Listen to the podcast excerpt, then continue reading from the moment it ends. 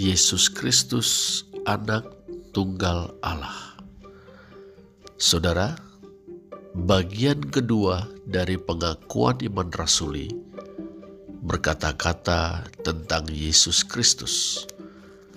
Orang Kristen mengaku percaya kepada Yesus Kristus, Anak Tunggal Allah. Apakah artinya? Pertama, nama Yesus merujuk pada seorang manusia yang benar-benar pernah ada di dalam sejarah. Meski Yesus dilahirkan di Bethlehem, masyarakat menyebutnya Yesus dari Nazaret atau Yesus orang Nazaret. Sebab ia diasuh dan dibesarkan oleh kedua orang tuanya, yakni ayah Yusuf dan Bunda Maria di Nazaret, kampung halaman mereka. Orang-orang Nazaret sendiri mengenal Yesus sebagai seorang anak tukang kayu yang juga berprofesi sebagai tukang kayu. Terbilang lama Yesus menekuni pekerjaan tersebut.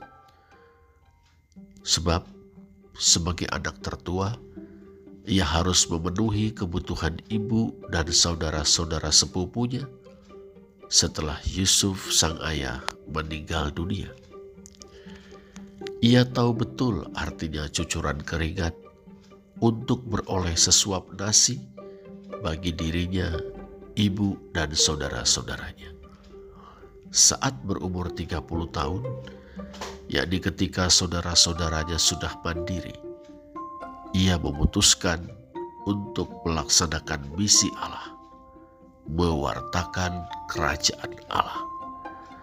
Yesus sungguh-sungguh manusia, seperti halnya kita.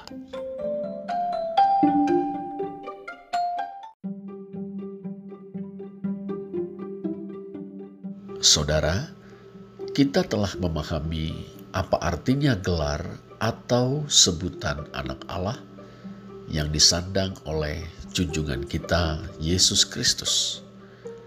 Anak Allah adalah gelar Yesus sebagai Mesias, Raja Agung yang dijanjikan Allah, yang lahir sebagai keturunan Daud, yang mengemban segala kuasa atau otoritas exousia dalam bahasa Yunani di bumi dan di sorga untuk mewujudkan kehendak Allah.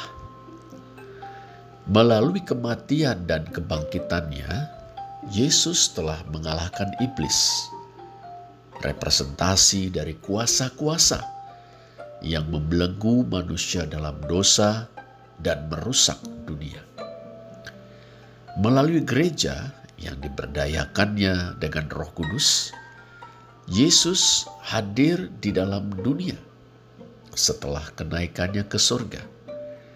Ia hadir untuk mewartakan kemenangannya atas kuasa-kuasa dan menggarami serta menerangi dunia dengan Injil keselamatan. Itulah artinya gelar atau sebutan anak Allah bagi Yesus junjungan kita.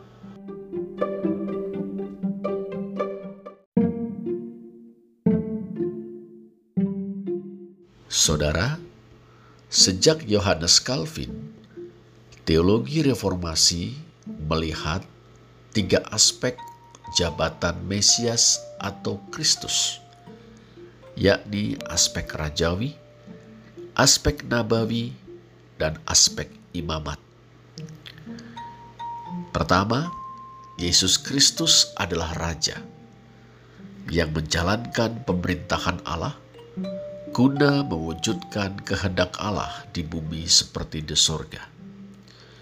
Dalam Matius 28 ayat 18, setelah kebangkitannya dari antara orang mati, Yesus bersabda, "Kepadaku telah diberikan segala kuasa di sorga dan di bumi."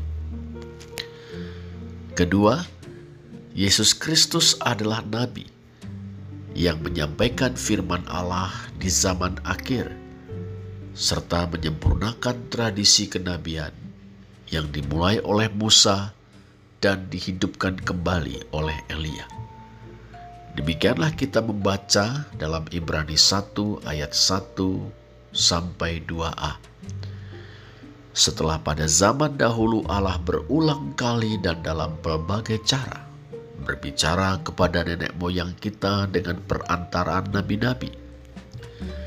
Maka pada zaman akhir ini, ia telah berbicara kepada kita dengan perantaraan anaknya, yang telah ia tetapkan sebagai yang berhak menerima segala yang ada.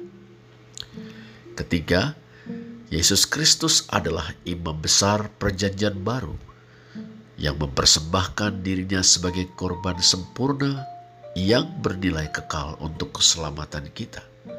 Sebagaimana kita baca dalam Ibrani 7 ayat 27, sebab imam besar yang demikianlah yang kita perlukan, yaitu yang saleh tanpa salah tanpa noda, yang terpisah dari orang-orang berdosa dan lebih tinggi daripada tingkat-tingkat sorga, yang tidak seperti imam-imam besar lain, yang setiap hari harus mempersembahkan korban untuk dosanya sendiri, dan sesudah itu barulah untuk dosa umatnya.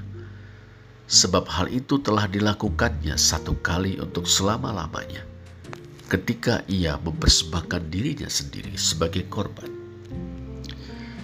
Yesus adalah Mesias. Yesus adalah Kristus yang diurapi Allah dengan rohnya yang kudus untuk memangku jabatan raja, nabi, dan imam besar. Dialah anak Allah. Dialah sang Mesias itu.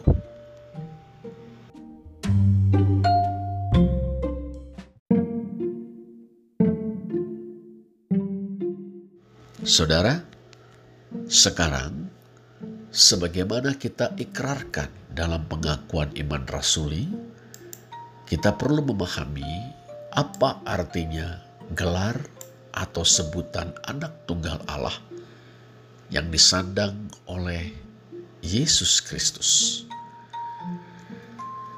Pernyataan bahwa Yesus Kristus adalah anak tunggal Allah menyatakan keyakinan Kristen berdasarkan Alkitab tentang posisi unik Yesus Kristus dalam pewahyuan ilahi adalah benar bahwa Yesus orang Nazaret adalah seorang manusia nyata seutuhnya yang pernah ada dalam sejarah.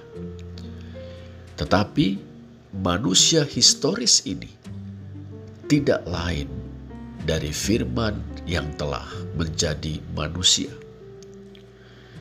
Yohanes 1 ayat 1 sampai 2 mengajarkan bahwa firman sama kekalnya dengan Allah. Ia ada pada mulanya, yakni sejak semula dalam kekekalan bersama dengan Allah. Karena itu, meski berbeda dengan Allah. Dalam teks Yunani kita membaca hoteos untuk Allah. Firman itu sama ilahinya dengan Allah. Dalam teks Yunani kita membaca kaeteos ein hologos. Dan Allah lah sang firman. Firman berbeda dengan Allah atau Ho Theos. Dia yang kita sapa sebagai Bapa atau Ho Pater. Tetapi firman tidak terpisah dari Allah. Bapa yang disebut sebagai Ho Theos adalah Theos, ilahi seutuhnya. Firman atau hologos adalah Theos, ilahi seutuhnya. Firman ada bersama-sama dengan Allah sejak semula. Dalam kekal, dalam kekekalan, firman ada di dalam diri Allah.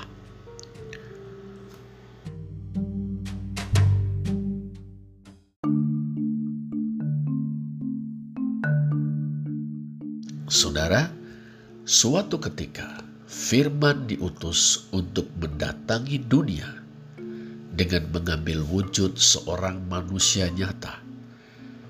Dalam Yohanes 1 ayat 14 dinyatakan bahwa firman itu telah menjadi manusia. Inkarnasi itu adalah istilah dalam teologi Kristen untuk menyebut peristiwa akbar firman telah menjadi manusia. Firman yang telah menjadi manusia itu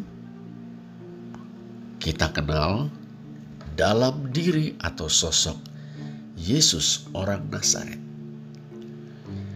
Dengan kata lain, Yesus orang Nazaret adalah inkarnasi Sang Firman, atau Yesus orang Nazaret adalah Firman yang telah menjadi manusia. Apakah tujuan dari inkarnasi itu?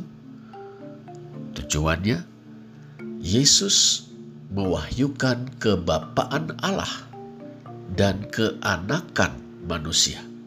Sekali lagi, dengan berinkarnasi, Yesus mewahyukan kebapaan Allah dan keanakan manusia.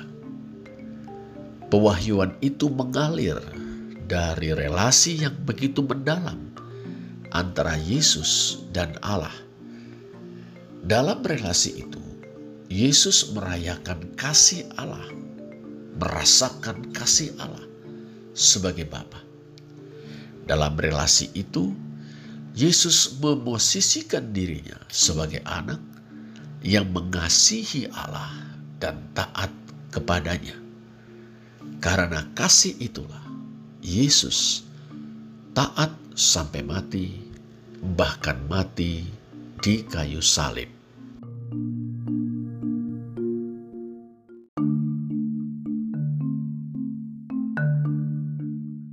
Saudara, begitu mendalamnya relasi atau hubungan antara Yesus dengan Allah, sehingga kehendak Allah menjadi kehendak Yesus, dan Yesus senantiasa mengerjakan perbuatan-perbuatan yang diperkenan Allah dalam hidup dan dalam pelayanannya.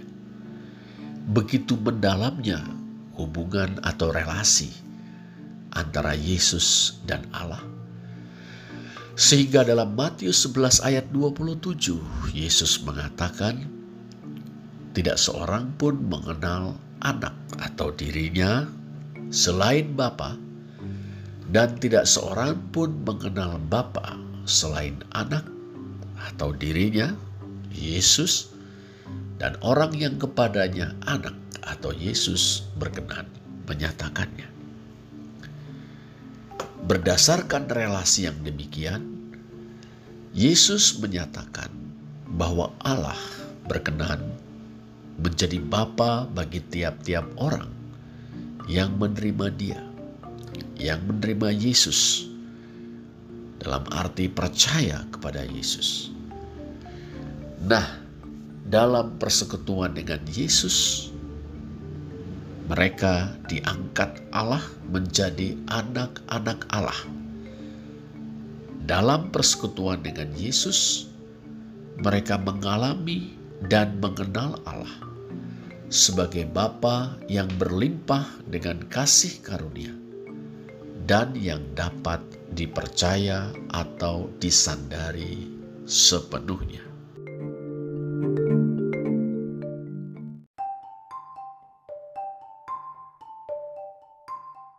Saudara, dalam persekutuan dengan Yesus, kita juga melihat bahwa ketaatan kepada Allah tidak didasarkan pada ketakutan, melainkan pada kasih. Mengasihi Allah yang telah dan senantiasa mengasihi kita. Karena itu, kita belajar mengasihi dan menaati Allah. Hanya Yesus Kristus, yaitu wujud manusia nyata dari Sang Firman, yang mewahyukan kebapaan Allah dan keanakan manusia kepada umat manusia. Itulah sebabnya Yesus bersabda dalam Yohanes 14 ayat 6, Akulah jalan dan kebenaran dan hidup. Tidak seorang pun yang datang kepada Bapa kalau tidak melalui aku. Dan dalam Yohanes 1 ayat 18 kita membaca, Tidak seorang pun yang pernah melihat Allah, tetapi anak tunggal Allah yang berada di bangkuan Bapa, dialah yang menyatakannya. Kiranya menjadi jelas Yesus Kristus disebut atau bergelar anak tunggal Allah. Itu karena hanya Yesus Kristus, Sang Firman yang telah menjadi manusia itu, Dia sajalah yang telah mewahyukan kebapaan Allah dan keanakan manusia. Di dalam Dia sajalah Allah menyediakan dirinya untuk menjadi Bapa kita dan mengangkat kita menjadi anak-anaknya. Terpujilah namanya.